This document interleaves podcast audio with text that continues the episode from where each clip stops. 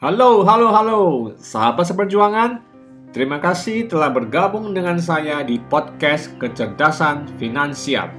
Goal saya untuk podcast ini adalah membantu sahabat seperjuangan untuk bisa mencapai financial freedom dengan belajar kecerdasan finansial atau Caisang. Selamat datang di episode ke-20 dengan topik bakat.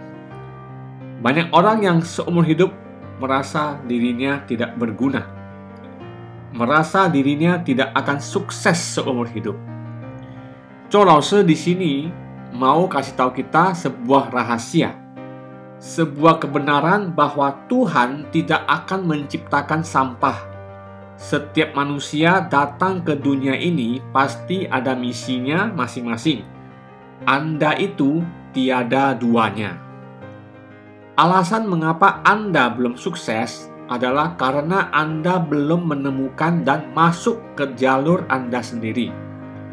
Anda belum menemukan tempat yang cocok untuk Anda. Anda belum menggunakan bakat Anda secara maksimal.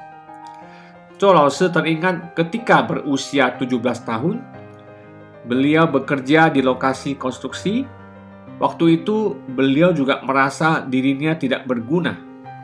Beliau merasa dirinya berasal dari masyarakat level bawah dan kemungkinan akan bekerja seumur hidup sebagai seorang buruh konstruksi. Cho Lause juga pernah berpikir untuk bunuh diri. Beliau merasa hidupnya tidak ada harapan. Papanya berhutang ratusan ribu remimpi sehingga seumur hidup juga tidak akan bisa melunasinya. Papanya ditangkap polisi dan dimasukkan ke penjara selama lima tahun. Mamanya bekerja di ladang pertanian, satu orang bekerja tiga macam pekerjaan untuk membayar hutang papanya. Cho Lause merasa hidupnya saat itu penuh kegelapan. Teringat saat itu, beliau melihat sebuah iklan TV di Henan Tu Si Pindao. Di ikan tersebut ada tertulis sebuah tulisan yang seperti ini.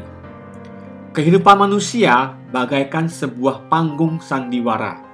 Setiap orang merupakan tokoh utama di panggung. Hanya saja Anda belum menemukan panggung Anda.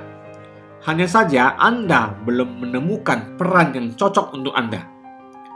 Cho Lao selalu adalah orang yang sangat percaya diri sejak kecil namun, saat beliau bekerja sebagai buruh konstruksi, beliau merasa sangat rendah diri, sangat tidak percaya diri. Mental beliau hancur karena kewalahan menghadapi kenyataan hidup. Selama setahun, sangat jarang berbicara karena rekan kerjanya semua adalah orang-orang yang jauh lebih tua dari beliau. Sama sekali tidak ada topik pembicaraan yang cocok, sehingga setahun di sana senantiasa seperti dalam keadaan tercekik. Selama berada di sana, Colao telah terlalu banyak menderita. Namun oleh karena tulisan di iklan TV itulah, beliau mulai menemukan kembali kepercayaan dirinya.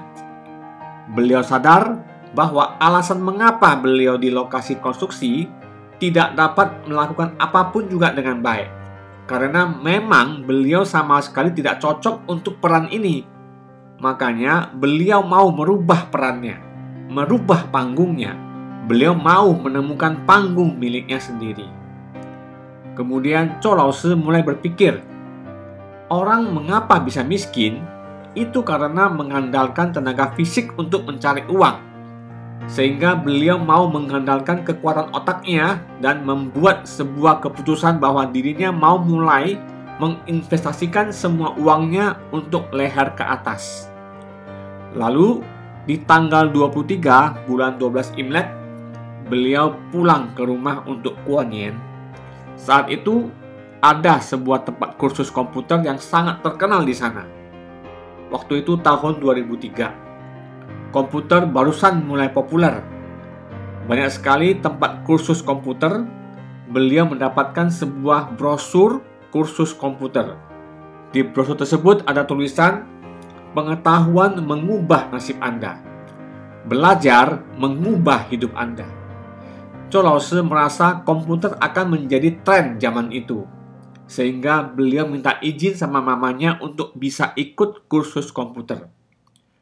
Beliau masih ingat jelas, biaya kursusnya sebesar 4.300 renminbi pas-pasan dengan jumlah hasil kerja Lao selama setahun di konstruksi hasil kerja 4.300, biaya kursus pas 4.300. Ini benar-benar seperti sebuah petunjuk dari Tuhan. Sampai sekarang, resi 4.300 ini masih ada tersimpan di rumahnya Corause. Mamanya tidak mengizinkan, sehingga beliau mengikuti kursus secara diam-diam. Karena beliau tahu jelas, apabila tidak mulai belajar maka selamanya hanya akan menjadi seorang buruh konstruksi, dan itu bukan keinginan beliau, karena beliau mau menemukan panggungnya sendiri. Lalu, setelah Cho Lao selesai belajar komputer, beliau mulai bekerja. Lalu ke Luoyang, ke Shenzhen, ke Zhengzhou, kemudian ke Beijing, dari selatan sampai utara dan bekerja di banyak pekerjaan yang pertama adalah di industri komputer. Kemudian dari dunia IT pindah ke industri finansial. Lalu pindah ke industri properti. Intinya beliau pernah bekerja di banyak industri dan mengapa belum juga sukses? Colose merasa itu karena beliau belum menemukan jalurnya sendiri, belum menemukan bakatnya sendiri. Sebenarnya apa itu bakat? Bakat itu ya sesuatu yang Anda jago lakukan. Di dunia ini, jika ingin sukses itu sebenarnya sederhana saja. Ada yang namanya piramida sukses yang terdiri dari empat landasan kesuksesan. Jika Anda bisa menginjak empat landasan ini, maka pasti akan bisa sukses. Landasan pertama adalah melakukan hal-hal yang ada feelingnya hal-hal yang Anda cintai. Artinya, jika Anda melakukan hal ini, sama sekali tidak ada feeling. Anda bahkan tidak suka melakukannya. Anda bekerja bagaikan di penjara. Bagaimanapun bagusnya kerjaan Anda, tetap tidak bisa sukses. Landasan kedua adalah melakukan hal-hal yang Anda jago. Apabila yang Anda lakukan adalah hal yang tidak Anda suka, gimana jagonya Anda juga percuma. Namun jika Anda suka, tambah lagi Anda jago, maka pasti kerjaan itu terasa ringan. Sedikit pun tidak melelahkan, seperti bermain saja. Landasan ketiga adalah melakukan hal-hal yang bermakna. Jikalau hal yang Anda lakukan itu bertentangan dengan moral, menipu, mengelabui, maka mau gimana jagonya Anda juga tidak ada gunanya. Benar nggak? Landasan keempat adalah melakukan hal-hal yang sesuai dengan tren. Jikalau hari ini apa yang Anda kerjakan adalah sesuatu yang Anda cintai, sesuatu yang Anda jago, sesuatu yang bermakna dan juga sedang tren, maka Anda pasti akan sukses. Ingat, sukses itu tidak perlu melakukan banyak hal, hanya butuh melakukan satu hal, dan kalau sesuai, maka akan sukses. Simple saja. Sebenarnya, Anda tidak perlu iri melihat orang sukses. Anda mungkin merasa orang kaya itu hebat. Anda mungkin merasa orang sukses itu luar biasa. Namun, Cho Lao Shi mau kasih tahu sebuah rahasia bahwa tidak ada perbedaan antara orang jenius dan orang biasa. Orang jenius adalah orang biasa dan orang biasa adalah orang jenius. Seperti Cho Lao Shi, mungkin Anda merasa Cho Lao Shi adalah seorang yang jenius. seorang public speaker yang hebat. Namun, apakah Anda tahu beliau di dalam kehidupan sehari-hari itu merupakan orang yang tidak bisa mandiri. Beliau butuh bantuan asisten untuk melakukan segala hal, seperti setting internet, urusan boarding pass, dan banyak lagi hal-hal lain yang beliau tidak bisa. Benar-benar demikian. Orang ini mungkin jago di hal ini, namun di hal lain sama sekali tidak bisa. Beneran kayak gitu deh. Makanya, Lao itu hebat di satu sisi, namun di sisi lain beliau biasa-biasa saja. Sama juga seperti Anda. Ada hal yang Anda hebat dan jago, namun ada juga hal yang Anda biasa-biasa saja. Sayangnya, banyak dari kita yang justru hanya melakukan hal yang kita biasa-biasa saja, sehingga hal yang kita jago itu selamanya terpendam, dan akhirnya kehidupan kita hanya akan biasa-biasa saja. Sesimpel itu saja. Jadi, temukan bakat Anda dan masuk ke jalur Anda Begitu Anda masuk ke jalur Anda, begitu Anda menemukan bakatnya, semua orang bisa memperoleh kesuksesan. Maka dari itu, sukses adalah melakukan hal yang Anda cintai, melakukan hal yang Anda jago, melakukan hal yang bermakna, dan juga sesuai dengan tren yang sedang berjalan. Jika Anda mengikuti empat landasan piramida sukses ini dalam menjalani hidup, maka Anda pasti akan sukses. Setiap orang bisa sukses. Sampai di sini, mungkin banyak yang akan berkata, Laoshi, gimana kalau saya benar-benar nggak tahu apa bakat saya? Saya nggak tahu saya jago apa. Jika Anda masih ada pertanyaan demikian, itu artinya masih belum mengerti apa yang tadi sudah dijelaskan di atas. Colause dulunya juga nggak tahu ada bakat apa. Colause dulunya juga nggak tahu mencintai hal apa. Saat itu, nggak ada orang yang bisa memberikan petunjuk kepada beliau. Itu semua karena beliau sudah menjalani proses pergantian pekerjaan selama 26 kali, telah bekerja di 12 industri yang berbeda dan terakhir baru masuk ke industri edukasi dan pelatihan ini. Dan seketika itu juga Cho sadar bahwa beliau benar-benar suka public speaking. Beliau benar-benar cinta sama industri ini. Tanpa dibayar juga rela melakukan hal ini. Bagaikan menemukan sebuah hobi baru, dan setelah beberapa kali public speaking, baru menyadari bahwa dirinya juga jago public speaking karena bisa menampilkan bakat terbaik beliau. Lalu begitu Colo masuk ke industri edukasi dan pelatihan, juga menyadari bahwa ini adalah sesuatu yang beliau cinta, jago, bermakna, karena bisa membantu orang meraih sukses. Colause selama 9 tahun berkecimpung di dunia pelatihan ini, sudah berhasil membantu banyak sekali muridnya mencapai financial freedom membantu banyak sekali muridnya berhasil menjadi miliarder, sehingga bermakna dan juga sesuai tren, karena didukung sepenuhnya oleh pemerintah Tiongkok.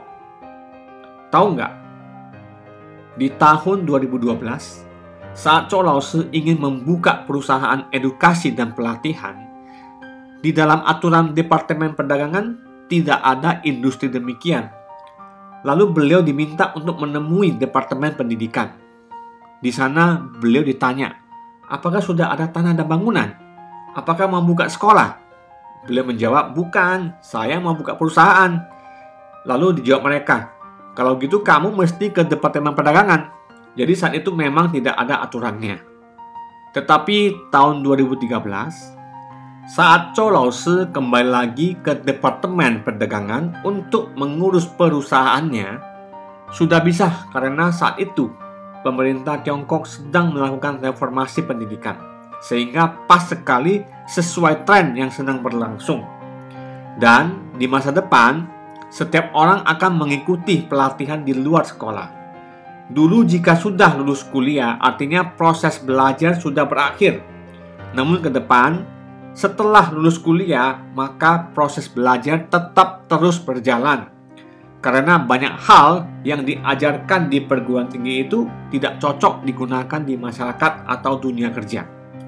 Sehingga dibutuhkan berbagai macam pelatihan di luar sekolah atau kuliah. Makanya, industri ini sudah menjadi sebuah tren mendatang. Laoshi secara kebetulan berhasil menginjak di empat landasan ini sehingga langsung bisa sukses besar. Ma Yun juga demikian kan? Ma Yun sejak kecil suka bahasa Inggris sehingga menjadi seorang guru bahasa Inggris dan membuka sebuah biro penerjemah. Tak disangka, melalui biro penerjemah itulah dia berkenalan dengan seorang teman dari Amerika dan dari teman itulah dia mulai mengenal internet. Dan Seketika itu juga dia jatuh cinta dengan internet. Kemudian dia pelajari semua mengenai internet sehingga menjadi jago.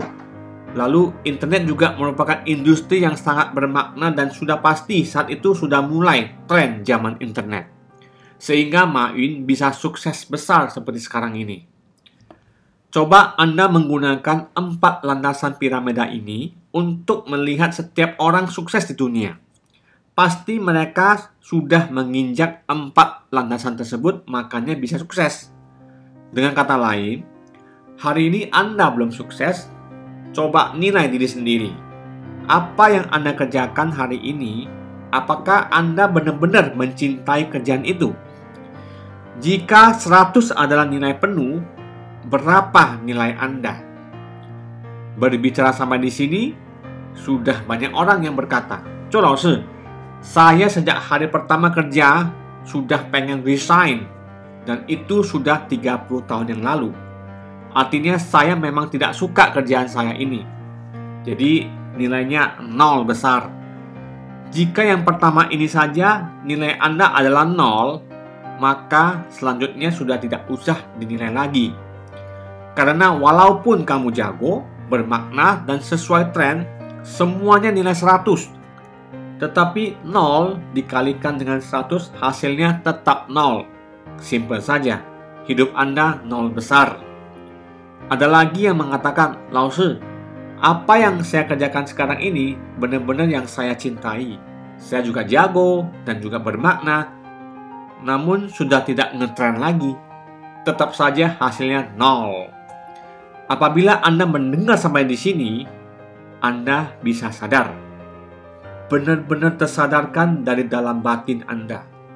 Maka seharusnya Anda bersuka cita karena Anda sudah menyadari bahwa Anda itu sebenarnya yuan pencuitu yang artinya pada dasarnya kita semua adalah sudah terberkali atau terpenuhi. Rupanya saya adalah pemeran utama di kehidupan saya. Rupanya saya adalah seorang jenius. Ternyata saya berbakat saya hanya perlu mencari dan mencari terus sampai ketemu apa yang paling saya cintai. Saya jago, bermakna, dan ngetren. Anda menganggap bahwa hal ini patut Anda perjuangkan seumur hidup. Lakukanlah, maka pasti akan bisa sukses. Apakah Anda menyadari bahwa anak kecil itu jika ditanya, "Kamu suka apa?" Saya mau belajar menggambar. Satu dua bulan kemudian, saya mau belajar menari. Tidak lama kemudian, saya mau belajar piano. Akhirnya orang tuanya berkata, Sudahlah, gak usah belajar lagi.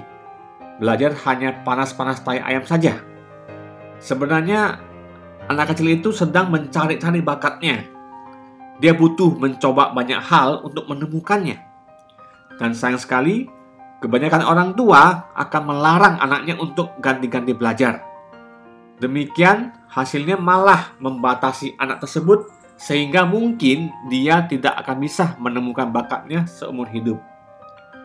Jikalau hari ini apa yang Anda kerjakan itu sama sekali tidak ada feelingnya, Anda juga kurang jago, lalu tidak bermakna, dan apalagi jika sudah bukan trennya lagi, langsung ganti saja. Cari jalan keluar lain. Dunia demikian luas. Perluas pandangan mata Anda. Colause teringat akan sebuah cerita mengenai tikus. satu ekor tikus berada di toilet.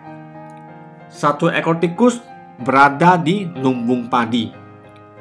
Tikus toilet itu kurus dan kecil. Tikus lumbung padi besar dan gemuk. Numpang tanya, di antara kedua ekor tikus ini, apakah ada perbedaan kemampuan mereka? Apa yang akan terjadi jika tikus toilet ditaruh di lumbung padi dan tikus lumbung padi ditaruh di toilet? Pasti, tikus toilet yang ditaruh di lumbung padi akan berubah menjadi besar dan gemuk Sebaliknya, tikus lumbung padi yang ditaruh di toilet akan berubah menjadi kecil dan kurus. Sederhana bukan? Hari ini Colose akan membuka tabir rahasia mengapa beliau adalah seorang triliuner dan Anda belum. Itu karena beliau adalah tikus yang berada di lumbung padi dan Anda adalah tikus yang berada di toilet. Bicara sampai di sini, mestinya Anda sudah mengerti. Maka buatlah sebuah keputusan. Di Tiongkok harus pergi ke empat kota besar, yaitu Pei, Sang, Guang, Shen.